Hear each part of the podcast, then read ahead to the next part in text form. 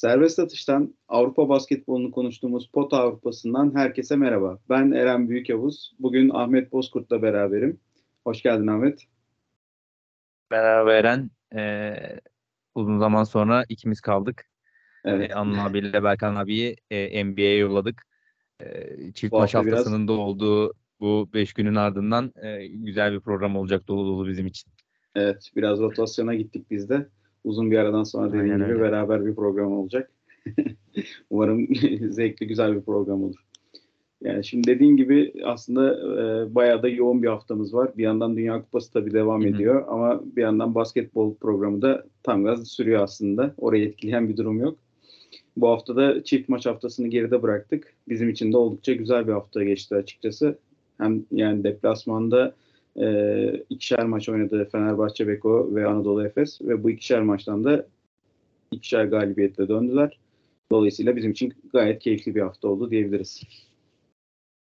Kesinlikle e, evet. İstersen Efes'in Anadolu Efes'le Aynen. başlayabiliriz istersen. olur. Efes'in İtalya turu vardı e, biliyorsun. Önce e, Milano'ya e, konuk oldu. Ardından da e, Bologna'nın Bologna deplasmanına gitti Anadolu Efes. E, şimdi tabii ki sezon açılırken Milano'dan beklentiler çok daha e, farklıydı. Şu an bulunduğu pozisyonun e, tam anlamıyla zıttında bulunması beklenen takımlardan bir tanesiydi. Açıkçası biz de sezon öncesi programımızda işte Real Madrid, Anadolu Efes, işte Barcelona gibi takımların yanında Milano'ya da yer veriyorduk. İddialı olabileceğini düşündüklerimiz arasında ama gerçekten biz de dahil e, birçok kişiyi e, hatta hemen hemen belki de Euroleague takipçilerinin hepsini şaşırtan bir başlangıç oldu. E, başlangıç dediğimiz aslında e, 10 maçlık süreci geride bıraktık. E, ama Milano hala toparlanamadı. E, Ettore Messina da belki de istifa sinyali olabilecek nitelikte e, açıklamalarda bulundu ki çok da e, aslında yersiz değil. Çünkü e, pek ümit vadeden bir oyun e, oynamıyorlar.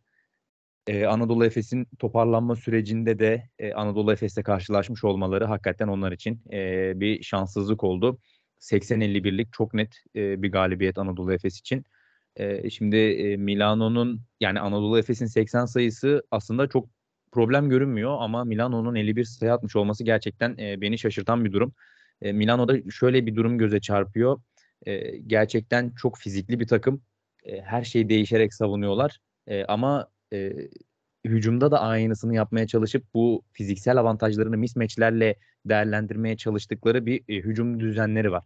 Yani buna tabii düzen diyebilirsek bilmiyorum. Yani çok da aslında düzen dahilinde yapıyorlarmış gibi de gelmiyor açıkçası bana izlerken. Ki 51 sayının böyle bir açıklaması da e, olabilir aslında bir yandan. Yani bu düzensizliğin sonucu olabilir.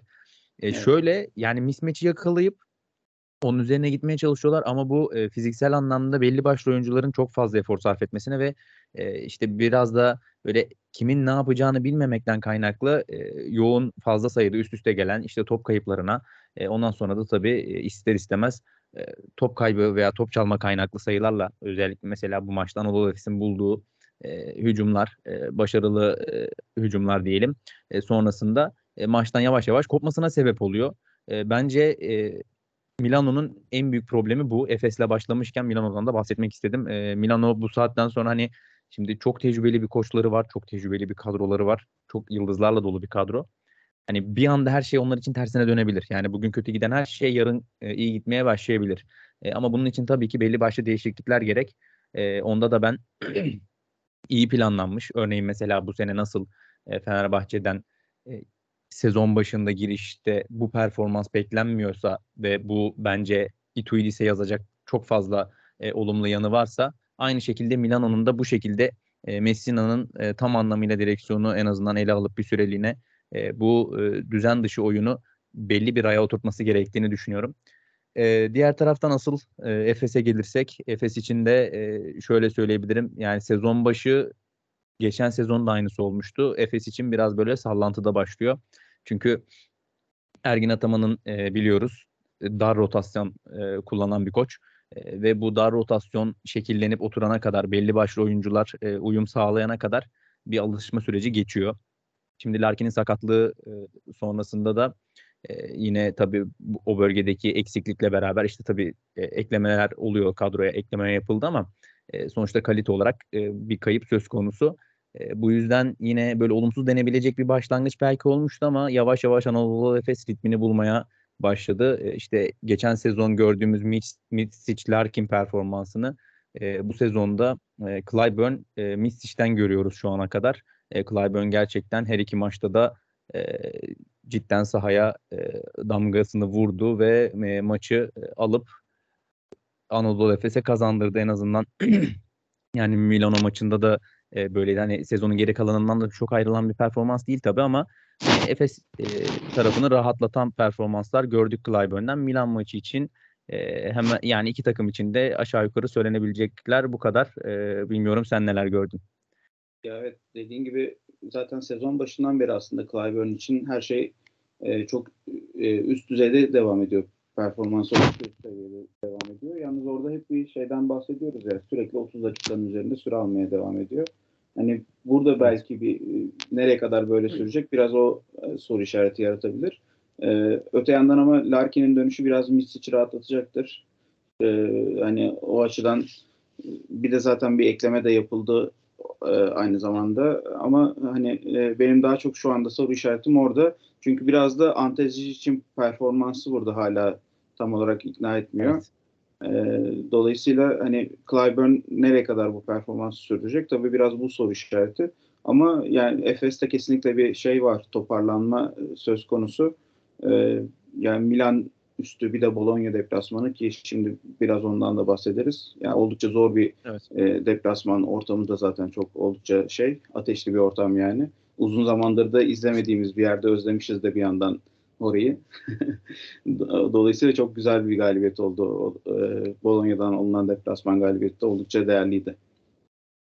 Aynen öyle. Ee, dediğin gibi e, yani şöyle Bologna deplasmanı evet zor olabilecek bir deplasman. Onlar da hani e, tabii ki bu yeni yapılanmalarıyla birlikte açıkçası hani çok da mütevazı gelmiyorlar bana.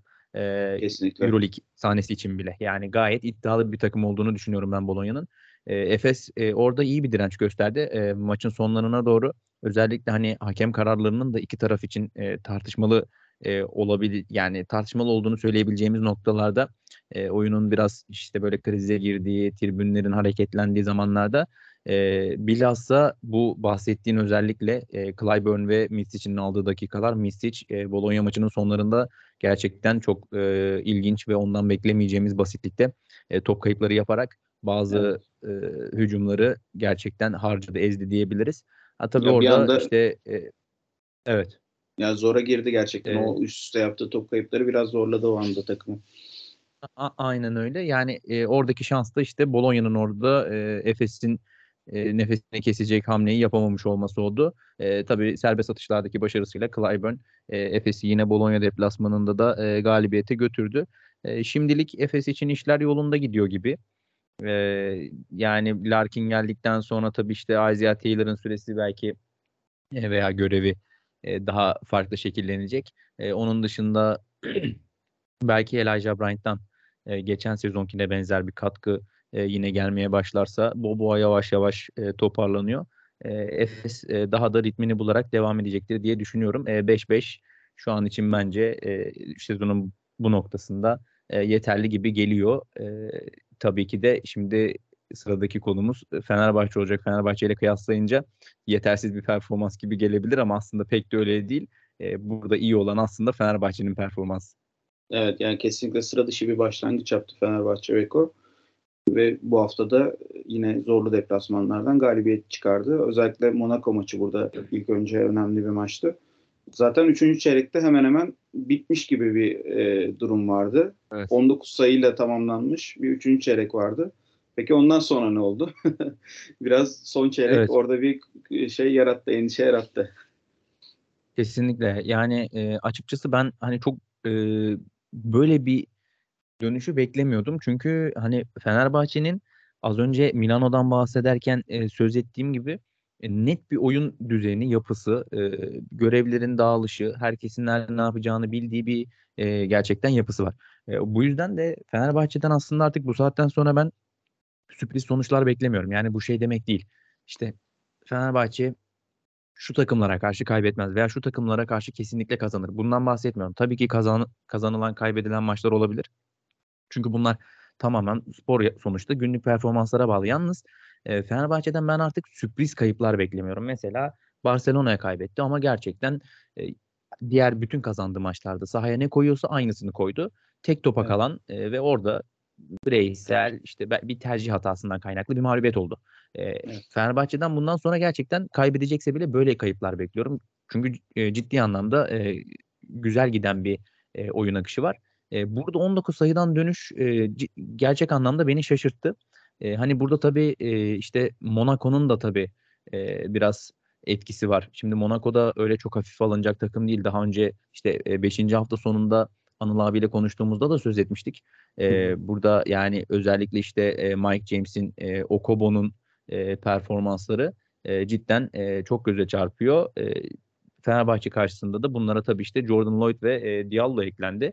E, onların da e, skorer oyunlarını oyunlarıyla katkıda bulunmasıyla e, Monaco e, iyi bir geri dönüşe imza attı. E, şöyle söyleyebiliriz. Her ne kadar olumsuz olarak bahsetsek de böyle bir geri dönüşe izin vermesi anlamında e, Fenerbahçe'nin e, burada kazanma alışkanlığı geliştirdiğini gördük aslında. Yani her ne kadar deplasmanda bu şekilde bir e, neredeyse 20 sayıdan yani e, geri dönüşe izin verse de e, kaybetmemesi, kazanmayı alışkanlık haline getirmesi e, artık e, Fenerbahçe'de bazı taşların yerine oturduğunu gösteriyor. Ben burada e, gerçekten Ituidis'in yanında e, Kalatis'in de e, gerçekten burada payını alması gerektiğini düşünüyorum. E, şimdi tabii e, Nigel Hayes'in burada e, çok göz önüne çıkan bir performansı vardı ama evet. e, oradaki istikrar gerçekten bence e, Kalatis'e yazılacak e, bir artı olarak e, bence öne çıkıyor. Çünkü Kalatis e, cidden sanki saha içindeki kok gibi. Yani bunu Kalatis için söyleyince aslında çok acayip bir e, çıkarımda bulunmuş olmuyoruz sonuçta. Ondan beklenen bir şey bu belki ama e, Ituidis de uyumları çok iyi oldu. Yani Yaskevicius Barcelona'sında Kalatis'ten böyle bir performans e, görememiştik. E, Kalatis şu an gerçekten kendisini buldu. Neredeyse 35 dakika oynadığı bir maç. Evet. E, 15 sayılık bir katkısı var. Bunun yanında tabii ki 7 tane de asist e, yaparak e, burada galibiyete katkıda bulundu. Beslediği isimlerden birisi de tabii ki Nigel Hayes oldu. E, o da 21 sayıyla e, günü kurtaran isimlerden biriydi açıkçası. Ya, e, dediğin kesinlikle doğru. Kalates bu takım için oldukça önemli. Şimdi ben biraz da oradan aslında bir soru sormak istiyorum. Yani e, yaklaşık yine Kalates için 30 dakikanın üzerinde 35 dakika civarında süre aldığını görüyoruz hemen hemen her maçta Euroleague'de özellikle. Lig maçlarında zaman zaman dinlenme şansı buluyor. E, peki yani bu uzun vadede şimdi Fenerbahçe biraz daha hedefini de yükseltmiş gibi duruyor. Yani sezon başında çok daha temkinli konuşuyorduk ama şimdi artık bu takım 9-1 ile başladıktan sonra hani gerçekten hedefini artık Final Four olarak koydu diyebiliyoruz yavaş yavaş. Evet. Ee, peki sence bu durumda tek başına Kalates e, nereye kadar götürebilecek? Bu yükü ne, ne kadar omuzlayabilecek? Çünkü yani Scottie Wilbeck'in de orada Marco Guduric de bunlar da önemli oyuncular ama yani bu takımın gerçekten böyle oyun kurucusu Nick Kalates şu anda. Tek gerçek anlamda oyun kurucusu Kalates. Ee, sence oraya bir ekleme daha gerekecek midir? Ee, aslında şöyle gerekmemesini e, umardım. E, buradaki e, umudumun sebebi de Şehmus olurdu açıkçası. Yani tabii ki şimdi Şehmus'un oyun kurucu olur mu olmaz mı konusu e, tartışılabilir bir konu. Çok e, hani farklı fikirleri açık bir konu. E, yalnız e, en azından hani e, Euroleague seviyesinde, Fenerbahçe seviyesinde e, yerli bir oyuncunun orayı götürebilecek en azından Kalatis'i e, 35 dakika yani 5 dakika değil de Kalatis'i 15 dakika dinlendirip 25 dakika oynamasını sağlayabilecek bir performans alsa Fenerbahçe çok daha mutlu olurum açıkçası. Ama şimdilik en azından e, hani o tarz bir performans için e, pek ışık yanmadı e, Şehmuz açısından. E, hani umarım daha iyisi olur. E, o yüzden e, o bölgede işte e, Wilbeck'in, Edwards e, veya dediğin gibi e, Guduric'e e, gözler dönüyor. E, şimdi burada e, genelde Wilbeck'in, Edwards'ın Kalatis'in yanında oynadığını daha çok görüyoruz. O yüzden oradan e, oyun kurucu performansını, katkısını değil de e, skorer, skor katkısını bekliyor anladığım kadarıyla Ituidis. E, burada evet. oyun kurucu olarak katkıyı e, Guduric aslında e, şimdiye kadar verdi. Daha çok yardımı Kalatis'e o yaptı. E, ama tabii şimdi Gudur için 2-3 numaradan e, süre aldığını e, düşününce e, onun sahada olduğu zamanlarda e, başka kısaların işte topu getirip e, yönlendirmeye çalıştığını en azından. Yani oyun içinde tabii ki e, hücum döndükçe Gudur için eline top geliyor ve onun oyun kurucu özelliklerinden Fenerbahçe yararlanıyor. E, ama hani bu takımda şu an bir numara kim dediğimizde o an Gudur için genellikle e, bir numara olarak göremiyoruz. Bana sorarsan bu yüzden e, o bölgeye gerçek hani saf bir oyun kurucu diyebileceğimiz e, Kalates'i en azından orada bir 15 dakika oturtacak bir oyun kurucu takviyesi gelebilir. Ha şimdi işler kötü mü gidiyor? Yok kötü gitmiyor. E, ama e, bu takviye belki de e, Kalades'i rahatlatıp sezonun sonuna daha diri e, girebilmesi, gidebilmesi anlamında e, daha faydalı olabilir diye düşünüyorum açıkçası. E, çünkü hani e, Monaco deplasmanındaki 35 dakika çoktu. E, işte Milano deplasmanında yine 25 e, dakika oynadı. Biraz daha e, hani iyiydi e, süre anlamında. Orada da mesela Gudur için 32 dakikası var. E, bu demek oluyor ki e, burada aslında e, bir numaradaki o 40 dakikayı yine hemen hemen bu ikili paylaşmış gibi. Yani paylaş. orada işte Gudur için 12 dakika oyun kurucu neredeyse oynadı. 20 dakikada kendi pozisyonunda süre aldığını düşünürsek hemen hemen bir 40 dakika oluyor o bir numaradaki. E, o yüzden oraya bir takviye büyük ihtimalle e, gelmesi gerekecek. E, hani Türkiye Ligi'nde buna ihtiyaç duymazlar. E, ama e, Eurolig'in devamı anlamında playoff veya işte Final Four umarız e, olur. E, olursa oralarda e, bence bir oyun kurucu katkısı iyi olacaktır diye düşünüyorum. Evet yani sanki sezonun gidişatıyla e, eğer üst daha yukarılarda e, hedef alınacaksa bu ekleme belki yapılır. Orada tabii biraz şey de önemli gibi geliyor bana. Bielitsa ne zaman dönecek? Hani Bielitsa evet. tam anlamıyla takıma dahil olabilecek mi? Yani orada bir ihtiyaç doğar mı yoksa işte oyun kurucu pozisyonuna mı bir ekleme gelir? Yani tabii bir yandan 9-1 ile başlamış bir sezon neyine transfer konuşuyorsunuz da denilebilir. Ama yani evet. artık hedef büyüdüyse biraz da e, daha e, işte önümüzdeki dönemi de düşünmek gerekiyor aslında.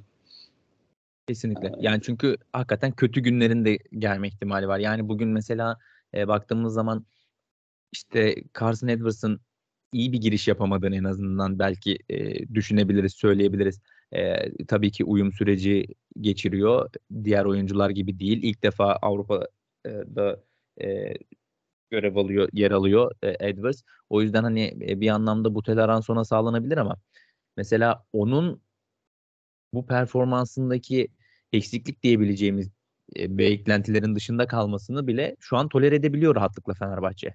Hani burada Kesin. da tabii e, şey e, işte bu e, Nigel Hayes'in işte e, Jonathan Motley'nin gerçekten e, hani beklentilerin üzerine çıkan e, katkıları tabii ki e, faydalı oluyor. Neden? Çünkü işte Edwards'ın işte attıkça atan, çok skor üreten, iyi bir dış atıcı olduğundan söz ettik. E, hep sezonun başından beri. İşte tutarsa çok iyi olacak, tutarsa çok iyi olacak. Şimdilik mesela o ritmi yakalayamadı belki bir, birkaç maç dışında. Ama bakıyorsunuz e, Milano deplasmanında e, Nigel Ace Davis çıkıyor 22 sayı atıyor. E, ve hani oradan Edwards'tan gelecek katkıyı aslında kendi başına sağlıyor. Hani bu şekilde birbirinin eksiklerini kapatabilen bir e, rotasyona evrildi Fenerbahçe. Takımın iyi de bir havası var. E, evet. Yani ilerlemekte olan bir Anadolu Efes, e, formunun zirvesinde bir Fenerbahçe, e, çift maç haftasında Milano'nun ikisiyle karşılaşmış olması bizi sevindiren, Milano'yu üzen e, bir hafta oldu. E, Biraz ben onların şanssızlığı oldu. Kesinlikle iki takımımızın da bu haftaki performansından açıkçası e, çok memnun kaldım. E, güzel sonuçlar aldılar. E, hem Fenerbahçe'den hem Anadolu Efes'ten oyuncularım da vardı e, Fantasy Lig'de. O yüzden e, onların katkıları e, beni de çok memnun etti. Güzel bir hafta oldu bence temsilcilerimiz açısından. Evet evet bir aylık kazançlı bir şey, hafta oldu. Aynen Aynı şey, öyle. Clyburn de mesela benim sezon başından beri kadromda olan bir oyuncu. oldukça şey memnunuz performansından şu ana kadar. Kesinlikle Clyburn e, ciddi anlamda yani tamam çok e, şaşırtıcı değil ama e, yine de bu kadarını da beklemiyordum açıkçası sağ olsun. E, çok ekmeğini yiyoruz. evet evet.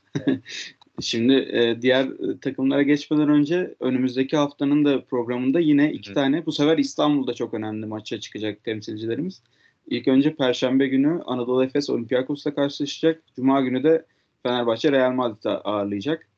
Gerçekten böyle form düzeyi de hazır zirveye çıkmışken her iki takım içinde Baya güzel Evet. maçlar e, izleyeceğiz gibi geliyor burada. Olympiakos ve Real Madrid de zaten şu ana kadar e, Euroleague'de üst düzey performans gösteren takımlardan. Dolayısıyla güzel maçlar bizi bekliyor önümüzdeki hafta. Doğru. İki takımımızın da e, yani sıralamada şu an için olma ihtimali, e, rakipleri olma ihtimali yüksek. Playoff'larda da yine eşleşme ihtimalleri bulunan ekipler oldukları için e, burada alacakları galibiyetlerle özellikle Anadolu Efes'in hani alacağı galibiyetle rakibini yakalama veya işte e, öyle eşitlik durumunda aşağı aşağısına alma e, şansı anlamında e, şu an için e, güzel bir dönemde denk gelen iyi bir fikstür. E, cidden 4 takımında e, formu form durumlarını göz önünde bulundurunca dediğin gibi e, seyir zevki yüksek iki maç olacak gibi görünüyor. Çok çok güzel maçlar bizi bekliyor önümüzdeki hafta. Peki o zaman şimdi temsilcilerimizi tamamladığımıza göre biraz da Eurolig'in genel gidişatını bir şöyle gözden geçirebiliriz. 10 haftayı geride bıraktık. Evet. Dolayısıyla hemen hemen ligin üçte birlik kısmı neredeyse geride kalmış durumda. Hı. Şu ana kadar böyle performansıyla seni hayal kırıklığına uğratan takımlardan biraz bahsedebiliriz. Sonrasında da biraz da işte beklentileri karşılayan takımları e, göz, göz gezdirebiliriz. E, Milano'dan biraz bahsettik aslında dediğin Evet. gibi. E, se- sezon başında böyle bizi heyecanlandıran bir de Alba Berlin vardı. Ama Evet. 3-0'lık başlangıçtan sonra tam tersi bir gidişat oldu onlar adına. O yüzden şimdi bu e, sizin bir 5 haftalık değerlendirmeniz vardı. Sonraki 5 haftanın da hayal kırıklığı Alba Berlin oldu diyebiliriz. Kesinlikle. Orada e, işte 5 maç geride kaldığında e, hani 4-1 olsaydı gerçekten doğrudan işte beklentilerin çok dışında e, iyi bir başlangıç olarak söz edecektik belki. O, o 3-2 bir başlangıçtı. Hani Alba için evet hani özellikle 3-0'dan sonra hani çok iyi e, olarak düş- nitelendirilebileceğimiz işte 3-2'de yeterli bir başlangıç gibi görünüyordu ama so- hani orada konuştuğumuz şöyle bir durum vardı açıkçası. Güzel bir başlangıç oldu ama ne kadar sü- e, sürekli olabilecek? Şimdi e, oradaki soru işaretleri e, ciddi anlamda kendini göstermeye başladı aslında neden olduğu ile ilgili. E, çünkü neden?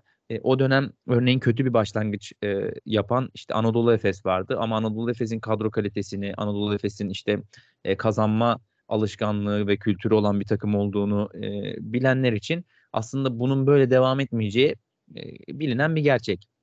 Evet. Şimdi e, genel çerçevesine baktığımızda da takımların e, belli başlı bu şekilde yapıları tabii ki var. O yüzden de ilk 5 hafta işte farklı olacak. Ondan sonraki 15-20 hafta farklı olacak. Sezonun sonunda işte işlerin kızıştığı zamanlarda belki sürprizler olacak vesaire. Hani Alba'nın bir yerde bu sürekliliği kaybedeceği aşağı yukarı aslında tahmin edilebilirdi. Yalnız 3-0'dan sonra hani 0-7'lik e, bir süreç. Açıkçası bu kadarını da beklemiyordum. Yani e, ritim yakalamış, oyuncularının performansı belli bir seviyeye gelmiş. Hani e, Euroleague seviyesi oyuncu olduğunu artık kendilerine de kabul ettirmiş ve buna inanmış e, bir takım olarak gö- nitelendiriyordum öyle görüyordum. O yüzden hani 0-7'lik süreci, süreç e, ilk 3 maçın ardından e, o kadar o kadar kötüsünü beklemiyordum. En az hani 5-5 olmaz 4-6 olur diyordum ama yani e, üst üste 3 galibiyetin arkasından üst üste 7 mağlubiyet. Yani bu tarz durumlarda ben şöyle görüyorum. Hani 3-7 de problem değil. Yani iki maç kazansa işte hemen 8-10 bandına yükselecek zaten. Sorun Çok sorun yok. zaten. Evet, Evet. aynen öyle ama 7 maç üst üste kaybetmiş bir takımın artık o momentumu tekrar arkasına alması ne kadar kolay olabilir? Açıkçası hala soru işareti olmaya devam ediyor e, Alba açısından. E, benim diğer hayal kırıklığım biraz Münih, Bayern Münih olur. E, hani oradaki Evet. beklentim biraz daha iyiydi. E, hani hem işte koçun istikrarı, kadroyu iyi kullanması, işte oradaki e, Opt'un veya işte e, Lucic'in e, performanslarından beklentilerim. E, ama şu ana kadarki süreçte açıkçası 3-7 onlardan beklediğim bir derece değildi. Daha iyi olmalarını beklerdim. Hani daha iyi olurlar mı? E, şimdilik e, gördüğüm hani o patlamayı yapacak veya en azından şöyle hani kaybediyorlar ama aslında e, kaybetmeyecekleri e, şey kaybetmeyecekleri maçları kaybediyorlar. İşte küçük küçük farklarla kaybediyorlar gibi bir şey de diyemediğimden açıkçası e, çok ümitli değilim önümüzdeki süreç içinde. Yani toparlanabilirler mi? Toparlanabilirler. Niye? Çünkü işte dediğim gibi e, Lucic kötü başladı. Ops bekleneni veremiyor. En azından işte şampiyonada gördüğümüzü göremiyoruz. İşte Ognian Yaramaz e, aynı şekilde hani e, ondan şunu yapar denilenleri e, yapamadığı bir süreci geride bıraktı. E, o, hani bu oyuncular ritmini yakaladığında tabii ki e, Münih'te e, kendisinden beklenen galibiyetleri alacaktır ama şimdilik e, benim için hayal kırıklığı olan takımlardan biri de Bayern Münih oldu açıkçası. Evet, kesinlikle öyle. Ee, önümüz yani geçen geçtiğimiz iki sezonla kıyasla özellikle e, evet. biraz daha beklenenin gerisinde kaldıklarını söyleyebiliriz. Onlarla beraber Asfel'de yani şu ana kadar sezonun en kötü takımı belki de Asfel diyebiliriz. Hani haklarında konuşacak evet. fazla bir şeyimiz de yok açıkçası. Biraz da yükselişe geçen takımlardan biraz bahsedelim Hı-hı. istersen. Kızıl Yıldız biraz e, koç değişikliğinin ardından durumu toparlamış gibi görünüyor. Ne zamana kadar böyle sürecek tabii bilemiyorum ama e, sen ne dersin Kızıl Yıldız için? Evet.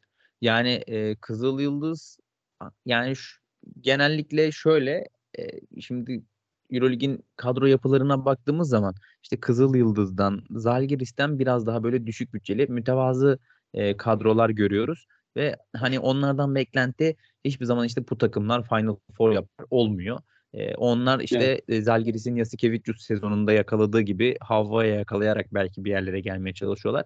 E, ama şimdi Kızıldız için şöyle bir değişiklik oldu. E, Partizan'ın e, yaptığı atılım, Obradovic'i getirmesi, o e, işte sükseli kadro ve transferleri e, Kızıl Yıldız'ı da biraz harekete geçirdi. Koç değişikliğinin yanında ben e, Vildoza eklemesinin de çok e, fark yarattığını düşünüyorum. Gerçekten hani e, benim evet. Baskonya zamanında da çok beğendiğim bir oyuncuydu ki yani hani e, bu sadece dedi az önce bahsettiğimiz gibi benim keşfettiğim bir şey değil. Sonuçta NBA yapmış bir oyuncu ama e, ciddi anlamda hani oyun etki edebilecek profilde bir e, bence oyun kurucu. E, onun takıma eklenmesi e, ve eklediğiniz parçanın da oyun kurucu olması, onun da istenileni vermesi e, diğer pozisyonlardaki oyuncuların da aslında hemen bir iki basamak yukarı çıkmasına sebep oluyor. Örneğin hani iyi katkı veren bir pivotunuz, e, pivot transferiniz olsa ondan beklediğinizi alırsınız belki ama e, hani e, ka- takımın kalanı için e, o kadar belki de etki gösteremeyebilir. Ama oyun kurucu e, özellikleri olan bir oyuncuyu alıp da ondan istediklerinizi e, o, o istediklerinizi verdiğinde bu kez çevresindeki oyuncuları da e, birkaç basamak yukarı çekebiliyor. Bence Vildoza'da da e, bu oldu ve Kızıl Yıldız e, en azından o başlangıcının e, devamında biraz daha e, olumlu adımlar atmaya ve iyi sonuçlar almaya başladı. E, o anlamda tırmanışları da devam ede- edebilir diye e, açıkçası düşünüyorum. E, onun dışında e, Zalgiris e, benim dikkatimi çekiyor. E, ilk Kesin. o 5 5 haftanın sonundaki programımızda Monaco'dan bahsetmiştik ama artık Monaco'yu bence e, çok e, konuşmaya gerek yok. Çünkü 10 10 maçın sonunda 7-3'lük bir derecesi var. Fenerbahçe maçındaki 19 sayıdan geri dönüşleri hani dirençli e, ve mücadele gücü yüksek atlet bir takım. E, Monaco şu an için e, sürpriz oldu. Hani sezon başına göre evet ama hani sezonun o işte ilk 3-5 maçından sonrası için konuşursak Monaco çok sürpriz değil ama ben Zalgiris'i hala sürpriz olarak nitelendiriyorum kendi adıma. Ee, evet. Hani oralara girmesini hala beklemiyorum e, sezonun sonunda. Hani belki bir tık aşağıdan playoff yapsa bile yapar sonlara doğru ama e, yine de hani beklentim e, beklentimin dışına çıktı diyebilirim olumlu anlamda e, Zalgiris'in Kesinlikle orada sezon başında biraz Roland Schmitz eklemesinden Hı-hı. de bahsetmiştik. O da etkisini gösteriyor evet. aslında. Jalgiris için oldukça önemli. Ee, yani tabii dediğin gibi be- belki önümüzdeki işte 5-10 maçlık süreçte yine Alba Berlin benzeri bir düşüş yaşama ihtimalleri de var. Hani onlar için kesin hmm. hala playoff yaparlar diyemiyoruz. Bir de dediğim gibi zaten yani şey e, playoff çizgisi özellikle orada takımlar birbirine sadece böyle bir galibiyet, iki galibiyet farklarla evet. ayrılıyorlar. Dolayısıyla daha hani pek çok şey değişebilir orada. Kesinlikle yani, yani şu an şu an aslında e, dediğin gibi e, şöyle bir ayrım oldu. İşte Fenerbahçe, Olympiakos, Real Madrid, e, Barcelona ve Monaco bu e, hani 7 ve üzeri galibiyet diyelim artık Fenerbahçe'nin 9 evet. galibiyeti biraz onları ayırdı e, bu dörtlüden evet. bile. E, ve kalanlar e, diye baktığımız zaman da şimdi orada ben Anadolu Efes'i görüyorum. Anadolu Efes'in oralarda takılı kalmayacağını düşünerek e, belki de işte Monaco'nun, Zalgiris'in orada birkaç basamak aşağı gelmesini bekleyebilirim e, ilerleyen süreçte. Ki hani e, yine Bologna'nın e, dişli bir takım olması, işte Partizan'ın e, yavaş yavaş artık e, EuroLeague için e, EuroLeague için hazır denilebilecek bir düzeye gelmiş olması. Hani koç veya oyuncular anlamında bunun için bir şüphe yok ama e, tabii ki ilk girişte e, sezonun başında hani böyle hep buralar oynayan bir takım gibi e, davranamadıkları da kesin. E, şimdi yavaş yavaş onlar da toparlıyorlar. Yani e, tam böyle sezonun artık iyice ısınmaya başladığı ve e, ciddi anlamda az önce senin de dediğin gibi güzel maçları izleyeceğimiz e, zamanına geldik. E, tabii bir yandan hani oyuncu performansları da, da e, aynı takımlar gibi olumlu veya olumsuz anlamda şaşırtmaya devam ediyor. Açıkçası e, Canan Musa'nın performansı mesela bunlardan bir tanesi benim açımdan. E, yani Ergin Ataman'a kızdıktan sonra böyle bir Euroleague sezonu geçirmesini e, şahsen beklemiyordum. Geçen seneki performansı tamam çok kötü değildi. İyiydi daha doğrusu yani. İyi bir evet, performans evet. göstermişti ama Real Madrid'de yani o kadronun içine girip de bu performansı vermesi açıkçası beni e, biraz şaşırttı. Yine Laprovitola hani o da e, tamam süre alan bir oyuncu. E, Real Madrid Barcelona seviyesinde oyun kurucu. Evet e, ama hani o Barcelona kadrosunun içinde Laprovitola mı maç alırdı Fenerbahçe karşısında? Yani açıkçası hiç öyle demezdim. E, evet. O yüzden hani bu oyuncular olumlu anlamda beni e, şaşırtan isimler oldular. Sezonun devamında ne verecekler? Açıkçası merak ediyorum onlar açısından da. Kesinlikle öyle. Dediğin gibi takımlarını sürükleyen oyuncular oldu. Bir de tabii Olympiakos'ta da Vezenkov zaten çok ayrı bir seviyede sezon geçiriyor. Kesinlikle. Aynen öyle. MVP adayı şu ana kadar e, hani birçok kişi için herhalde bir numaraya koyacağı aday olur e, Vezenkov. Evet şu an. E, ve hepimizi tabii ki Fenerbahçe'de de Edwards'ı bekliyoruz. E, olumsuz anlamda aklıma gelen ilk isim o oldu. E, yani işte Okobo ile Mike James'in yine çok iyi performansları var ama hani özellikle Mike James için çok e, hani bunu değerlendirme yapmaya gerek yok. E, o kafası oyunda ve e, takımıyla birlikte sahada olduğu zaman zaten e, bunları yapması standart haline gelmiş bir oyuncu. E, bakalım e, işte Larkin gelince ne verecek onları da göreceğiz. E, ciddi evet. anlamda belki de şöyle e, yani az önce dediğimiz gibi şimdi e, 34 e, maçlık bir periyodun 10 maçını geride bıraktık. Hemen hemen işte üçte birinden biraz hızlı diyelim. Şimdi Hı. asıl böyle hani giriş bitti gelişmeye geçiyoruz gibi e, tam anlamıyla e, böyle fitillerin ateşleneceği zamanları e, yaşayacağız. E, sezonun evet. böyle formda zamanlarını göreceğiz diye düşünüyorum bundan sonrasında. Bence de öyle. Oldukça e, güzel maçlar zaten önümüzdeki haftada bizi bekliyor. Şöyle bir haftaya göz atıyorum. Yani dediğim gibi evet. zaten Efes, Olympiakos bir de Fenerbahçe, Real Madrid zaten haftanın maçı olacak bunlar.